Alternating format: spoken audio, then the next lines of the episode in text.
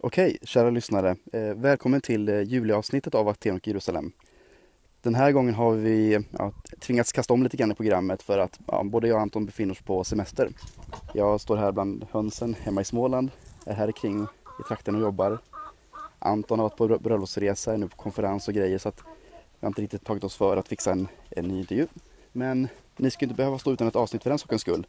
Så det som följer nu här är ett seminarium som Anton höll på ungdomskonferensen Tre dagar i påskas.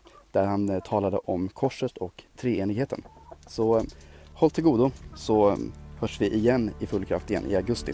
Fridens!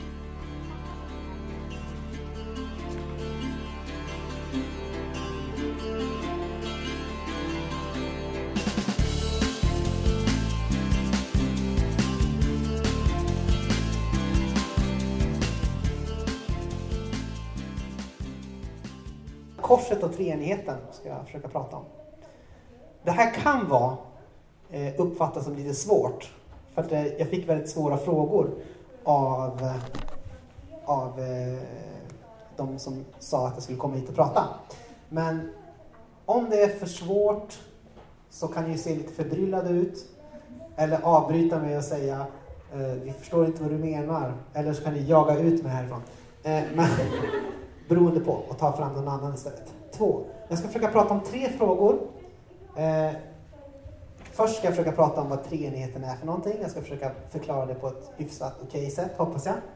Eh, och sen ska vi prata om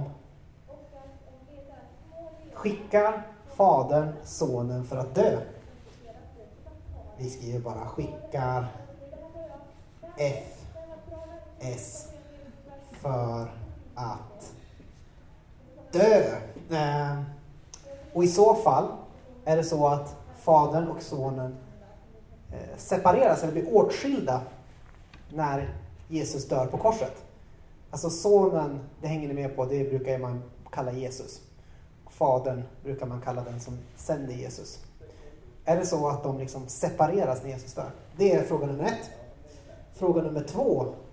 Dör Gud på korset?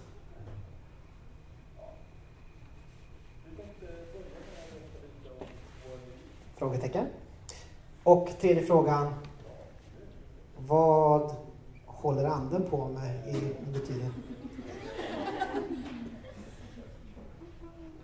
Eller vad är andens med? Eh, jag skriver inte så snyggt, men det går bra. Jag ska inte skriva så mycket. Så, det här ska vi försöka klara på 45 minuter. Kommer vi göra det?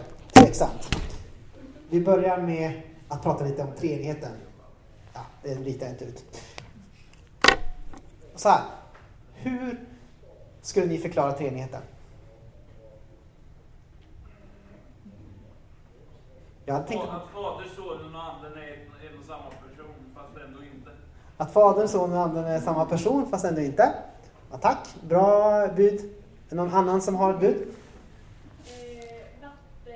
Eh, ja, vatten... Va? Ja. Is, eh, vad är det? Dimma, inte dimma utan ånga. Eh, is, ånga, flytande vatten. Tre olika former av samma sak. Så skulle man kunna säga det.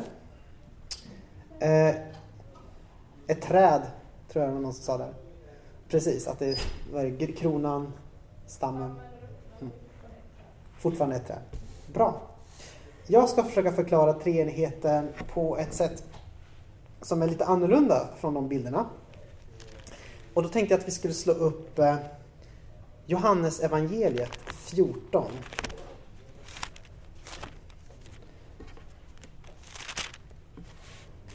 Och eh, från eh, vers 6 till 11. Har ni slagit upp era biblar? Då säger Jesus så här. Jag är vägen, sanningen och livet. Ingen kommer till Fadern utom genom mig. Om ni har lärt känna mig ska ni också lära känna min fader. Ni känner honom redan nu och ni har redan sett honom. Filippos sa, Herre, visa oss Fadern, det är nog. Jesus svarade, så länge har jag varit tillsammans med er och ändå känner du mig inte Filippos. Du som har sett mig, den som har sett mig har sett Fadern. Hur kan du då säga, visa oss Fadern? Tror du inte att jag är i Fadern och Fadern i mig? De ord jag säger er, de talar jag inte av mig själv. Fadern är i mig och utför sina gärningar. Tro mig när jag säger er att jag är i Fadern och Fadern i mig. Eller tro åtminstone för gärningarnas skull. Så hoppar vi ner lite till 16.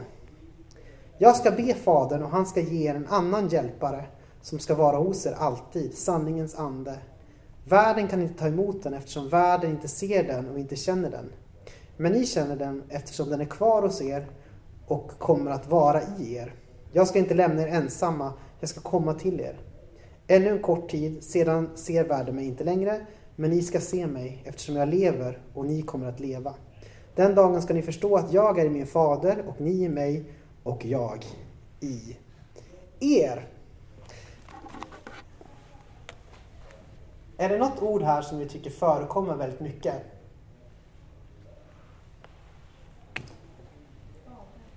Fader, så. Jag skulle säga att ordet i förekommer väldigt, väldigt mycket. Och att det är lite förvirrande. Typ så här. Uh, fadern är i sonen och sonen är i anden. Nej, fadern... Eh, ja, det, ni hör ju, man blir, får ju huvudvärk. Så här. Det är massor med in hela tiden. så. Sonen eh, är den som har sett sonen har sett fadern för fadern är i sonen. Och den som har sett eh, eh, och liksom fadern finns i sonen, representeras av sonen. Och så kommer anden också. Och anden, Jesus är på något sätt i anden. Och så är vi också i, i hela den här snurriga grejen. För till slut säger han att så är också ni, så kommer ni också vara i mig. Som jag är i Fadern och Fadern är i mig, så kommer ni också vara i oss. Det tänker jag att ni kan, att ni kan hänga fast lite grann. Att det Gud vill, det Gud som treenig vill, det är att vi ska vara i Gud. Att vi ska vara i Gud. Det är lite det som jag kommer landa i. Så om jag sticker iväg så kan ni alltid försöka chasa tillbaks mig med att säga att du ska prata om hur du ska i Gud. Jag skulle kunna säga så här. Att jag tror att när man, när man tittar på det på det här sättet i det här bibelordet så verkar inte Fadern och Sonen och Anden vara precis samma sak. Det är inte bara en stor klump så här. Om, ja, Fadern det är samma sak som Sonen och Sonen det är samma sak som Anden och så vidare. Bla, bla, bla. Det är bara lite olika namn. Så här. Det är en stor klump egentligen med lite olika delar kanske så. Utan så verkar det inte vara utan det verkar vara tre olika personer som man pratar om. Men samtidigt så är de ju så sjukt mycket i varandra. Alltså när du har sett Jesus, då har du sett hur Fadern är. Och när Anden kommer, då är det som om Jesus kommer till dig igen. Alltså, de är tre skilda personer verkar det som. Men ändå så är de så väldigt sammankopplade med varandra så att när en är någonstans, när Fadern är här borta, då är det som om Sonen också är här borta. Eller ja, tvärtom kanske är bättre.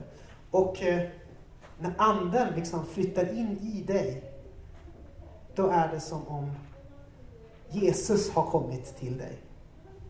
Så verkar det vara på något sätt, eller? Är jag ute och cyklar som det heter.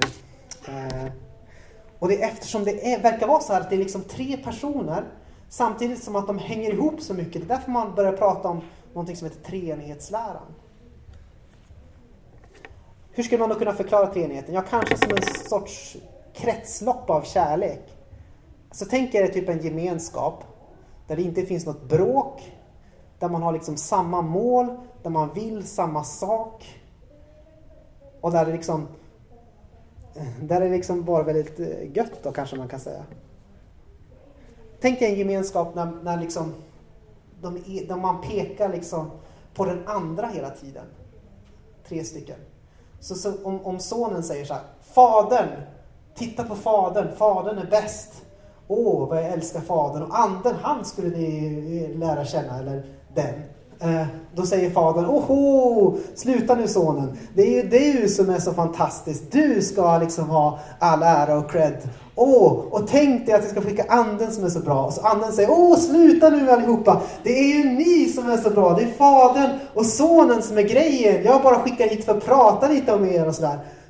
Så det är liksom som att det är en gemenskap där man är så tight som man nästan inte kan skilja dem åt, men där man hela tiden liksom pekar på den andra. Så skulle jag kanske kunna säga att treenigheten eh, är ett bra sätt att förklara den på. Och därför kan man säga att Gud är tre, men samtidigt ett. Tre, ett, tre, ett. Så skulle jag prata om treenigheten. Nu ska vi komma in på korset. Eller hur? Och då är det fråga nummer ett. Skickar F eh, S för att dö? Den frågan ska vi prata om. Skickar Fadern Sonen för att dö? Ska vi slå upp eh, Johannes evangeliet 5? Ja, det ska vi Anton. Eh, 5 och vers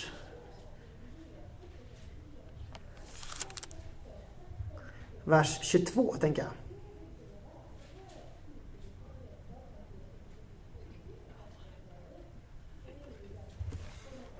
Då står det så här.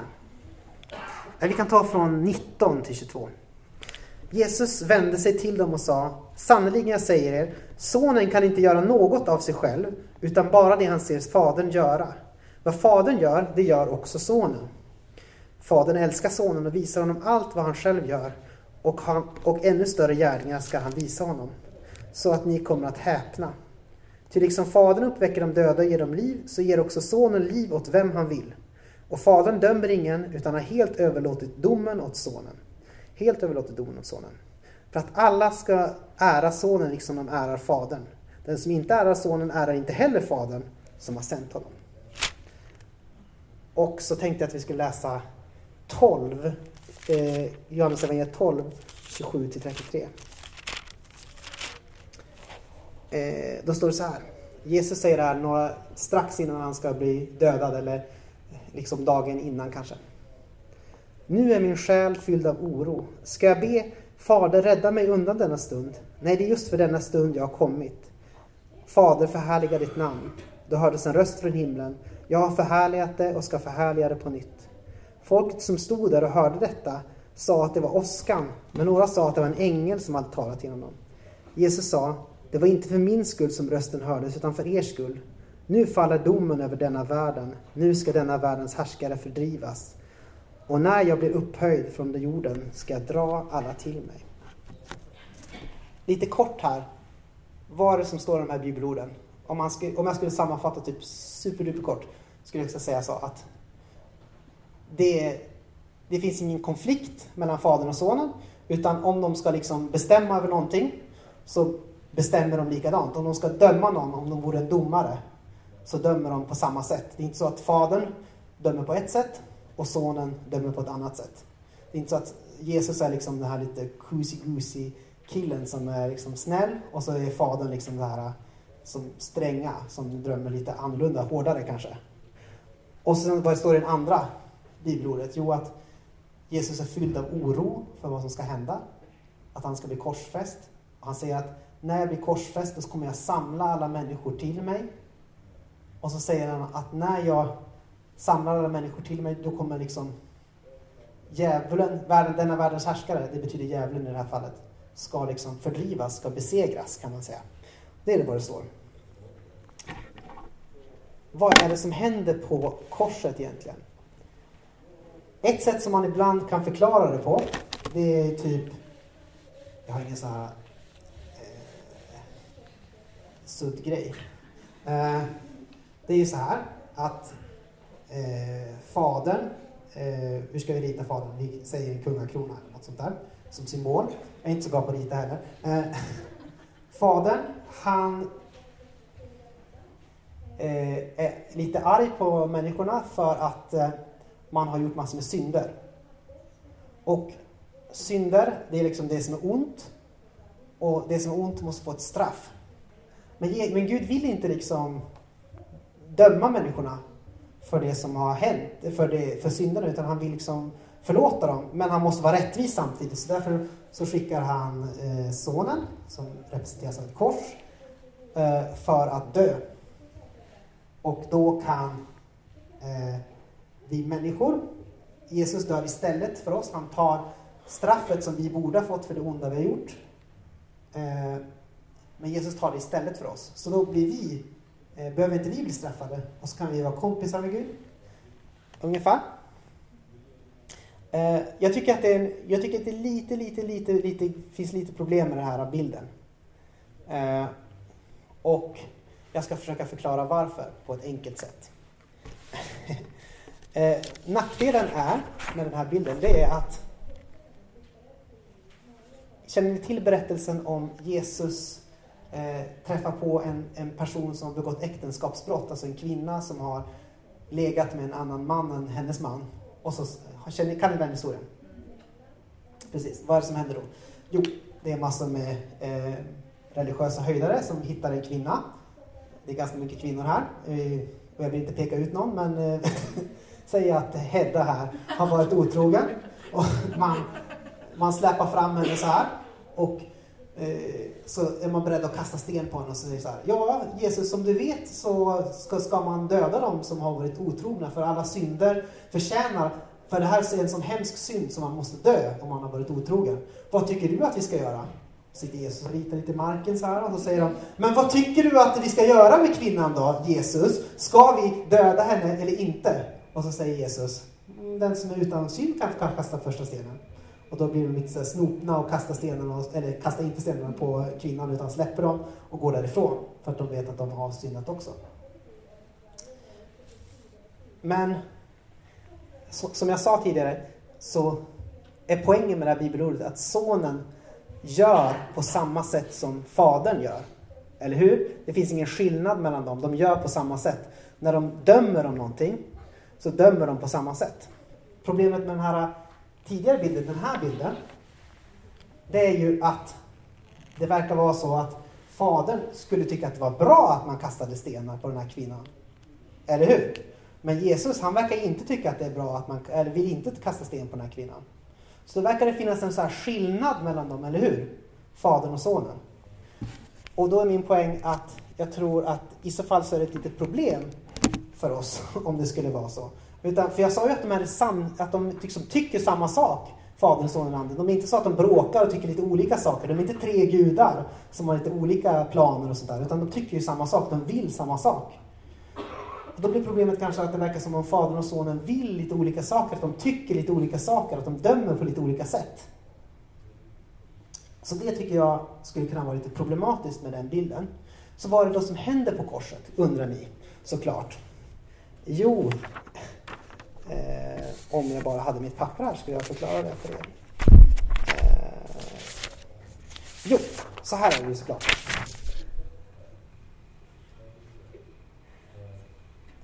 Att när Johannes skriver om vad som ska hända, när Jesus pratar om vad som ska hända, så säger han att han kommer samla alla människor till sig och att han kommer döma den här världens härskare, som är liksom då Satan. Eh, som ett annat ord för djävulen. A.k.a. Lucifer. A.k.a. Eh, mörkrets första. Eh, I alla fall, hur som helst. Eh, och jag tror att om man ska säga någonting om, om Satan så är det att han älskar att kasta sten. Det är hans liksom favoritgrej att göra. Var, liksom, eh, är det, finns det, är det någon som här som har begått äktenskapsbrott? Jag är redo med stenar, bring them on, eller något sånt där. Eller han älskar liksom den grejen, att se människor lida. Och han också beskrivs som den som, som liksom ljuger väldigt mycket. Och man kan säga att i första Mosebok så ljuger djävulen för människorna och säger att eh, men Gud han är inget bra, han vill inte att ni ska ha det bra, han är en riktig liten tråkmåns den där guden, det är klart att eh, ni klarar det bättre utan honom. Så. Så man lyssnar på vad djävulen säger, människorna, Och så sen så blir man på något sätt lite lik djävulen. På det sättet att man börjar döda varandra till exempel. Att man börjar gilla att kasta sten på varandra. Att man... Eh, det första som händer när man går ut ur lustgården det är att man mördar varandra, typ. Om man läser första Mosebok, det kan ni läsa någon gång eh, när ni har lust. Så vad, vad är poängen då liksom? Ja, men de blir lurade av att bli likadan som djävulen. Så Gud kom, eller Jesus kommer. Hur ska han besegra det onda? Hur ska han besegra djävulen? Har ni några förslag? Vad skulle ni gjort? Skulle ni dra fram något sorts andligt svärd kanske? Dräpa eh, djävulen? Något sånt? Ja, jag vet inte hur ni skulle gjort. Men Jesus han beskriver det så här att Gud är en sån som är god mot dem som är onda. Alltså Fadern är en sån som är god mot dem som är onda. Han låter det regna. Det låter inte så positivt men det är ganska bra om man till exempel är bonde. Eh, regna över både goda människor och onda människor. Och Gud älskar både onda människor och goda människor. Så står det. Och sen så säger Jesus att vi ska vara likadan. Vi ska besegra det onda genom att älska. Genom att älska våra fiender. Och genom att eh, när vi blir slagna så ska vi inte liksom bara, ja, nu ska jag döda dig och din familj. Utan då vänder vi andra kinden till. Alltså om du blir slagen på ena kinden så säger du bara, okej okay då. Om du ska vara på det här sättet så kan du slå på andra också. Lite så. Och vad är det då Jesus gör för någonting? Eh, jo, på korset så vänder han andra kinden till. Man kan säga så här. Att vi har blivit lurade och blivit lika Jesus, äh, djävulen. vi är inte lurade och blivit lika Jesus, tyvärr. Eh, och vi står så här, vi, vi älskar att kasta sten. Och när Jesus kommer, då berättas det att människorna vänder sig mot honom. De tycker inte om honom, de vill liksom ha död på honom. Även fast han verkar vara en sån schysst eh, kille så vill man liksom döda honom för att han är jobbig. Han är besvärlig. Han pratar massor med, om saker som vi inte vill höra om, om Gud och sådär. Som man liksom vänder sig emot Jesus. Man vill kasta sten på Jesus. Man vill eh, korsfästa honom. Och djävulen är också en sån som älskar att kasta sten och korsfästa och döda folk. Vad, och det jag tror man kan säga på korset det är att Jesus liksom vi står och kastar sten så här, precis som de här människorna, de här männen vill göra på den här kvinnan. Vi kastar massor med sten på Jesus. Allt vårt hat, allt våran synd, all vår aggression, allting det som vi liksom gör att vi är fiender med Gud. Och djävulen han liksom bara står där och kastar med, han liksom gör sitt värsta för att liksom förinta Jesus. Och Jesus han bär all den här ondskan som blir kastad på honom. Och till slut så står vi där och har inga stenar kvar att kasta. Och så har Jesus burit allt det här utan att liksom sagt att nu får det vara nog, jag, vill inte, jag bryr mig inte om er människor längre, skit på er. Ingenting sånt, utan han liksom bär den här ondskan. Han tar det till korset, han liksom besegrar det genom att dö på korset. Och liksom besegrar eh, djävulen genom att eh, han får använda allt det onda han kan komma på men inte besegra Jesus, inte få Jesus ur fattningen, inte få Jesus att göra någonting annat som Gud inte, bo, som Gud inte vill eller som inte, eh, som inte treenigheten som enhet vill. Utan Jesus är liksom hel och hållen överlåten till Gud. På det sättet, så när han uppstår, så är det tecknet på att oavsett allt det onda ni kan kasta på Gud, som ni kan komma på, allt det onda som djävulen kan hitta på, Ingenting det kan besegra Guds kärlek till dig som han har visat i Jesus Kristus. Det kanske är det som händer på korset. Och Jesus han lever fullkomligt ut det som Gud vill. Gud vill att vi ska bemöta det onda med det goda. Han avviker inte på det här. På det sättet så besegrar han det onda. Men det är ju så här. Eh, om vi har när Jesus hänger på korset så säger han någonting som man kan tycka är lite oroväckande om nu det här ska stämma. Jesus han säger så här, eh, om, nu gör jag om det här till en Fader, Son och Ande, det här är en duva. Eh, så där, med ben. Duva brukar representera anden. Eh, nu verkar det vara så att helt plötsligt så säger Jesus på korset, min Gud, min Gud, varför har du övergivit mig? Alltså, om jag säger nu att de här, att treenigheten, det är liksom Gud Fader, Son och Ande som liksom är eniga, som inte bråkar, som inte liksom som är så tajt hopkopplade som man nästan kan skilja dem åt. Hur kommer det sig att Jesus säger Min Gud, min Gud, varför har du övergivit mig? Har det blivit ett hål i treenigheten? Har Gud gjort ett hål i treenigheten för att vi ska komma in i treenigheten? Oh. men, nej, ja, det är kanske inte det jag kommer säga. Men hur som helst. Och Jesus säger också vid ett annat tillfälle innan han ska bli korsfäst. Alltså, Abba fader, jag vill inte det här. Men inte som jag vill, utan som du vill. Varför säger han så? Om de nu tycker samma sak. Oh, oh. Bibeln har förstört Antons eh, teologi. Typiskt. Eh, ja, då får vi väl gå hem då. Eh, då kommer vi in på den här frågan. Dör Gud på korset? Och nu har jag inte kvar den frågan, men ni kommer ihåg att jag skrev den tidigare. Dör, dör Gud på korset?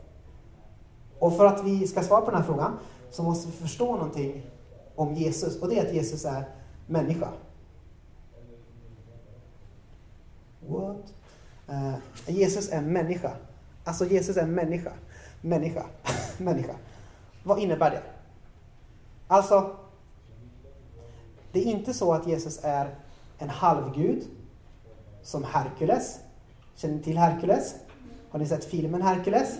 När han kastar sån här diskusgrej och förstör ett tempel och så vidare. Herkules är en halvgud.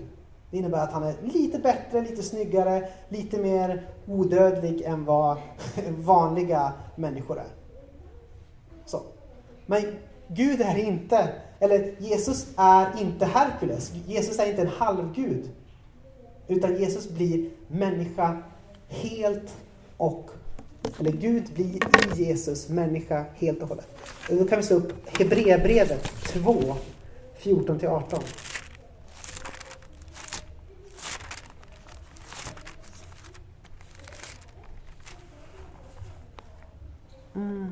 Och då står det så här. Då nu barnen är av kött och blod måste han, Jesus, på samma sätt bli människa. För att han genom sin död skulle göra dödens herre, djävulen, maktlös och befria alla dem som genom sin fruktan för döden varit slavar hela sitt liv. Har ni känt er som slavar för att ni är rädda för döden? Det är ju inte änglar han tar sig an. Nej, Abrahams ättlingar, Abraham var en människa, by the way, tar han sig an. Och därför måste han i allt bli lik sina bröder och systrar för att bli en barmhärtig och trogen överstepräst inför Gud och kunna sona folkets synder. Eftersom han själv har prövats och lidit kan han hjälpa dem som prövats. Vad är det som står här? Jo, det står att Jesus är superbra. Eh, att Jesus är människa, att Jesus har blivit människa fullt ut. Att Jesus har prövats på alla sätt som vi har gjort. Har du någon gång känt någonting så, så har Jesus känt det också för han har varit människa på riktigt. Han har blivit människa på riktigt. Alltså, har du någon gång känt dig övergiven av Gud? Handuppräckning. Ja, några stycken. Ja, många! Förra gruppen var det bara en han känns sig övergiven. Grattis! Det innebär att du inte är en halvgud. Alltså, det ingår i att vara människa att vara, att ibland kunna känna sig övergiven av Gud. Och när Jesus blir människa på riktigt så delar han den känslan av att kunna att känna sig övergiven av Gud. Så att överallt där du känner att eh, allting som du känner, allting som du utsätts för, det har Jesus liksom gått igenom för våran skull. Överallt där du, om du känner dig övergiven av Gud så har Jesus, som är Gud själv, också gjort det. Han har delat den känslan. Allt vad det innebär att vara Jesus, äh, att vara Gud, eller att vara människa. Allt, alla liksom situationer fylls av Gud. Och Gud går också in i det allra mest mänskliga och det är att dö. Det gör också Jesus för våran skull. Det gör Gud för våran skull. Han går in i processen av att dö. En jobbig grej. Men som sagt, man kan säga så här att Jesus han lever liksom ett gott mänskligt liv. Han lever ett liv efter Guds vilja, efter den treeniga Gudens vilja. Och det innebär att han börjar liksom läka vad det innebär att vara människa inifrån. Han börjar läka vad det innebär att vara människa inifrån. Så att det kan börja bli helt igen. Och när han kliver in i döden så kan man säga att han besegrar döden. Det är som en luring från Gud. Eh, så här. Att eh, döden är som en stor fet gädda. Och Jesus han är som liksom eh, man kan säga att Jesus är som en människa då. Och han är som en, en liten mask på en metkrok. Och så kommer liksom döden där. Bara, nu ska jag äta upp Jesus, jättebra. Alltid, ja, döden vinner igen. 10-0. Eh, nu och, och då blir det inte som döden hade tänkt sig. För att Gud är i Jesus. Och Gud är liv. Och Gud är utan synd. Och döden har bara makt över oss på grund av synd. Så när den kommer där och försöker svälja Jesus så liksom dras liksom döden upp med, dras upp från sin lilla sjö. Och har liksom övervunnits. Eller det kan vara som att Jesus är som en liten ankunge där som bara kliver in i döden och spränger den inifrån. Det är det som händer på korset. Eller det är det som händer på korset. Att Jesus går in i att vara, att dö. Och besegra det inifrån. När Gud blir människa så kan döden komma åt eh, Gud. Men Gud kan också komma åt döden. Och därför har han gjort dödens herre, djävulen, maktlös. Döden har inte längre makt över de som är i Kristus. Vad gör anden då? Anden är med Jesus nästan hela tiden. Eh, den är med Jesus. När, från när han döps så står det att anden vilar över honom och liksom driver honom att gå till olika platser. Så det anden gör också. Anden går liksom före på något sätt och säger åt att du ska, du ska möta den här människan, du ska gå hitåt, kan man säga att det är andens uppgift i Jesu liv. Och anden är också det första som möter oss människor av Gud. Det är det som först kommer till oss från, av Gud. Och jag må, tidigare sa jag att när anden kommer till oss är det som om Gud, är det som om Jesus kommer till oss. Som om Jesus flyttar in i oss. Hjärtat. Eh. Så det är som att när anden kommer till oss så får vi en magnet på insidan som drar oss mot Gud. Och Jesus, som ni känner till kanske, han, efter att han uppstod och besegrade döden synligt, så att det är synligt att Jesus har besegrat döden, att eh, Fadern uppväcker honom så att han, det ska bli synligt att döden är liksom besegrad, den har inte någon makt över Jesus. eh, var var jag någonstans? Jo. Bla, bla, bla, eh, ja, då stiger Jesus upp till Gud. Stiger upp till Gud. Så då kan man säga att allting av vad det innebär att vara människa finns hos Gud. För Jesus har ju varit människa, eller hur? Jesus har varit allt vad det innebär att vara människa, allt det som du känner nu, trött till exempel. Att Jesus har liksom känt det också. Och han finns i Gud. Mm. Så vi har en magnet hos Gud. Och det är liksom Jesus mänsklighet. Och det är en magnet som drar oss mot Gud. Och så har vi anden som liksom bär med sig eh, Jesu närvaro till in i vårt liv, in i vårt hjärta, i vårt själ, i vad du nu vill kalla vad du har för någonting på insidan. Och liksom drar oss mot Gud också. Så vi har två magneter på något sätt som drar oss mot Gud så att vi ska kunna vara i Gud, precis som Fadern är i Sonen och Sonen är i Fadern. Vi är som en väckelsepredikant, det brukar inte vara. Så är liksom, så får vi plats i Gud också. För att Sonen har liksom varit allt vad det innebär att vara människa, kommer upp till Gud, blir en magnet. Så eh, anden kommer ner, blir som en magnet i oss, drar upp oss mot Gud. Så vi får vara i Gud, vi får ha gemenskap med Gud. Får jag ett amen? Ja, tack så mycket, det var fint. Eh, egentligen skulle jag läsa bibelord här, men jag vet att jag är stressad så jag hoppade över det. Det var ju dumt av mig. Eh, men det finns också en annan aspekt av det här. Och det är att anden bär ju med sig Jesu närvaro till oss och gör att vi blir lika Jesus. I ett tillfälle så skriver Paulus i sitt brev att när anden kommer till oss, då är det som att slöjan, alltså om vi har en, någon sorts grej för ansiktet, tas av så vi kan se Jesus klart och tydligt och så blir vi lika Jesus när vi ser Jesus. På något sätt bildligt sätt då. Eh, det är det som händer. Vi blir lika Jesus. Och nu kommer min poäng med korset igen då. Att eh, det gör att korset också blir inte någonting som hände förut för länge sedan. Utan det blir någonting som händer nu. I oss.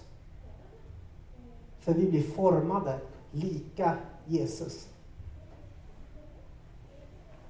Eh, och det innebär, om man läser till exempel Nya Testamentet, hela, så kan man säga att alla de som, som eh, de första kristna, särskilt apostlarna och sådär, Paulus till exempel, de säger att jag håller på att bli lik Jesus. Och hur märks det? Jo, genom att jag får det jobbigt. Att jag får lida för andras skull. Ni hänger med på att Jesus korsfästes och sådär, att det var för våran skull, eller hur? För att vi skulle bli fria från synd och död och så vidare. Och det som händer när anden kommer och gör oss mer lika Jesus, det är att vi också blir mer beredda att göra saker som är obekväma för andras skull. Vi blir mer beredda att på ett sätt, vi blir lika Jesus på det sättet att korset blir närvarande i våra liv. Vi plockar upp korset för andras skull. Vi kan göra saker som är jobbiga för andras skull. Eh, känner ni till en person som heter Rosa Parks till exempel? Så några stycken där, bra. Det skulle jag säga är ett klassiskt exempel på någon som har blivit lik Jesus genom att anden har arbetat med henne. Så här. Eh, förr i tiden så hade man i Alabama och i södra USA så var, fanns det regler så som gjorde att, att svarta och vita de skulle inte hålla på att blanda sig så mycket. De skulle inte sitta på samma ställe. Så om det var en buss så var liksom de främre delarna de var till för vita. De, svarta, de, de, de bakre delarna var till för de svarta. Och man skulle inte hålla på att bryta där och gå emellan. Jättedumt tyckte man. Eh, och då brukar man kanske ha en liten skylt så här i mitten av, eh, av bussen där det stod här börjar de svarta säten. Och så sen så, eh, var det, så var det tänkt att de svarta skulle sitta där. Eh, då var det så att det var en kvinna som hette Rosa Parks som satte sig där eh, längst fram på den svarta raden kan man säga. Och så sen så märkte busschauffören att ah, det börjar bli ganska mycket vita människor här. Mm, jag flyttar bak den här eh, svartskylten så att den börjar liksom senare där de får sitta. Förstår ni vad jag menar? Precis. Och då blir hon liksom sittande på fel ställe och så säger han, skulle du kunna vara vänlig och flytta på dig? Du vet, eh, det är bara vita som får sitta här just nu. Och då säger hon bara, nej tack, det tänker jag inte göra. Hon är väldigt artig faktiskt. Och sa han, då kommer jag ringa polisen. Okej, det får du göra. Och så sen så ringer hon polisen. Hon eh, blir gripen, arresterad, liksom satt i eh, finkan. Och varför gör hon det? Nej, men hon gör det för att hon vet att Gud inte, Gud vill befrielse för de svarta i USA. Gud vill inte att de ska ha det liksom hemskt. Och därför så är hon beredd att lida för deras skull. Alltså korset blir synligt igen genom att anden är i Rosa Parks och arbetar. Och det här leder fram till medborgarrättsrörelsen i USA som gör situationen bättre för svarta väldigt mycket. Eh, som till exempel att de kan rösta lättare och så. För att hon liksom var beredd att lida för andras eh, skull en gång. Och då blir liksom Jesus synlig igen. Då blir Jesus synlig. Och när Jesus blir synlig, då blir Fadern synlig. Då blir Gud synlig. Då blir hela faderullan synlig. Genom att anden är i oss så blir vi lika sonen och då upptäcker vi Gud, Fader. Och vi upptäcker den här treenigheten, den här härliga, eh, gojsiga eh, gemenskapen. Det är vad anden gör och det är vad det som har att göra med korset. Och anden är med Jesus på korset. Frågor?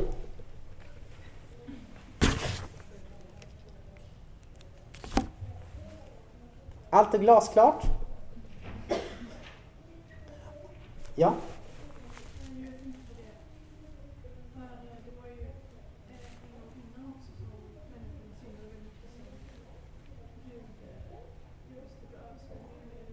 Mm, Noa-berättelsen.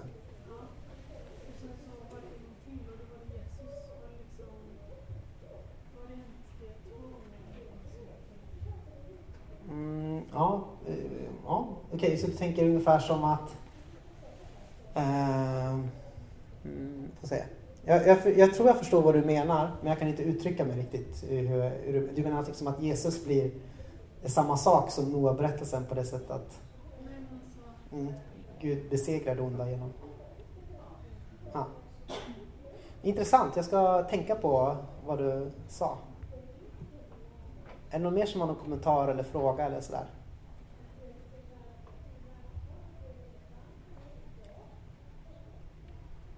Eh, jag tror att det var bättre den här gången än förra gången. Så, eller, då såg du mera uttråkad ut. Du såg inte lika uttråkad ut. Så det var bra. Och jag kanske var lite flummigare förra gången. Så, så det var ju bra. Då har ni inga frågor antar jag. Eh, eller? Jo, det, jag vill gärna att ni har en fråga.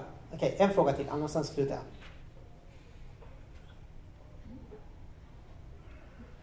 En kommentar? Nej, okej, vi behöver inte. Äh, men vad är poängen? Vad är poängen? Vi har plats hos Gud. Men det här är ingenting, eh, treenigheten och korset och treenigheten, det är inte som en sån matematisk formel som man ska lösa. Så här. Hur får man ihop det här? Hur får man ett gånger ett gånger ett att bli tre eller vad det nu är man brukar säga. Alltså, det är, inget så här, det är inte ett pussel som Gud har gjort för att det ska vara lite jobbigt för oss. Utan det här är en verklighet som Gud vill att vi ska upptäcka. Han vill upptäcka att han, han vill att vi ska upptäcka att han har gjort plats i sig själv, i liksom treenigheten, för att vi ska få liv. Och det utforskar man bäst genom att eh, be, genom att liksom eh, lovsjunga Gud, genom att leva ett liv tillsammans med Gud. Det är det som treenigheten handlar om, att bli inbjuden i det här. Mm.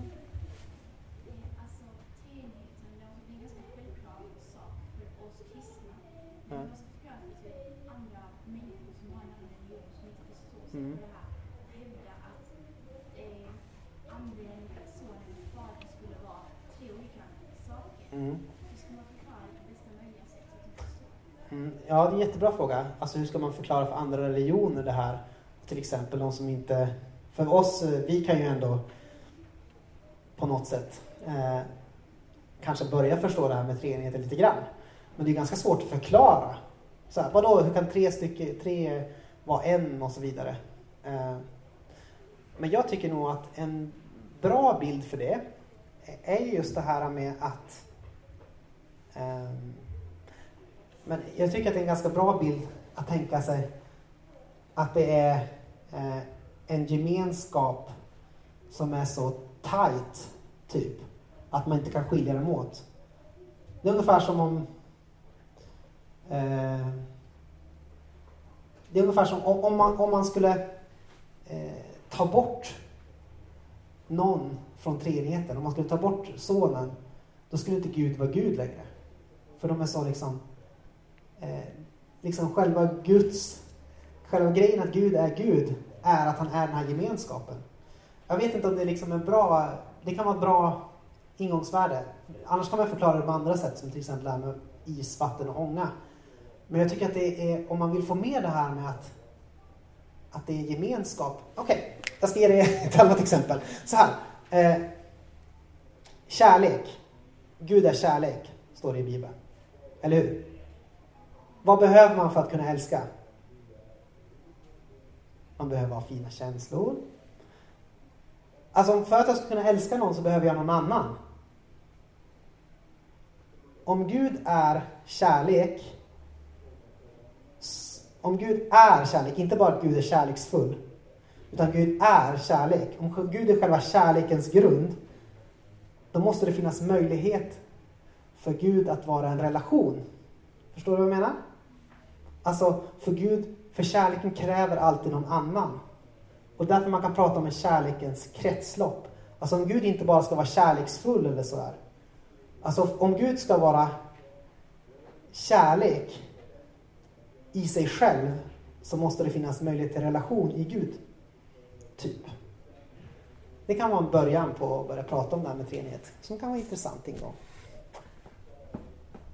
Sen så är det väldigt svårt att liksom jag tror att det är någonting som man måste på något sätt också få bjudas in i. Så, och inte bara någonting man kan förklara på ett enkelt sätt. Så. Mm. Då tycker jag att ni ska lovsjunga Gud och vara glada över att han har berett plats för er. Och Gud välsigna er och vad roligt att ni ville komma allihopa. Eh, roligt för mig. Om de andra tycker att det här var ett dåligt seminarium så säger jag att det var mycket bättre nu.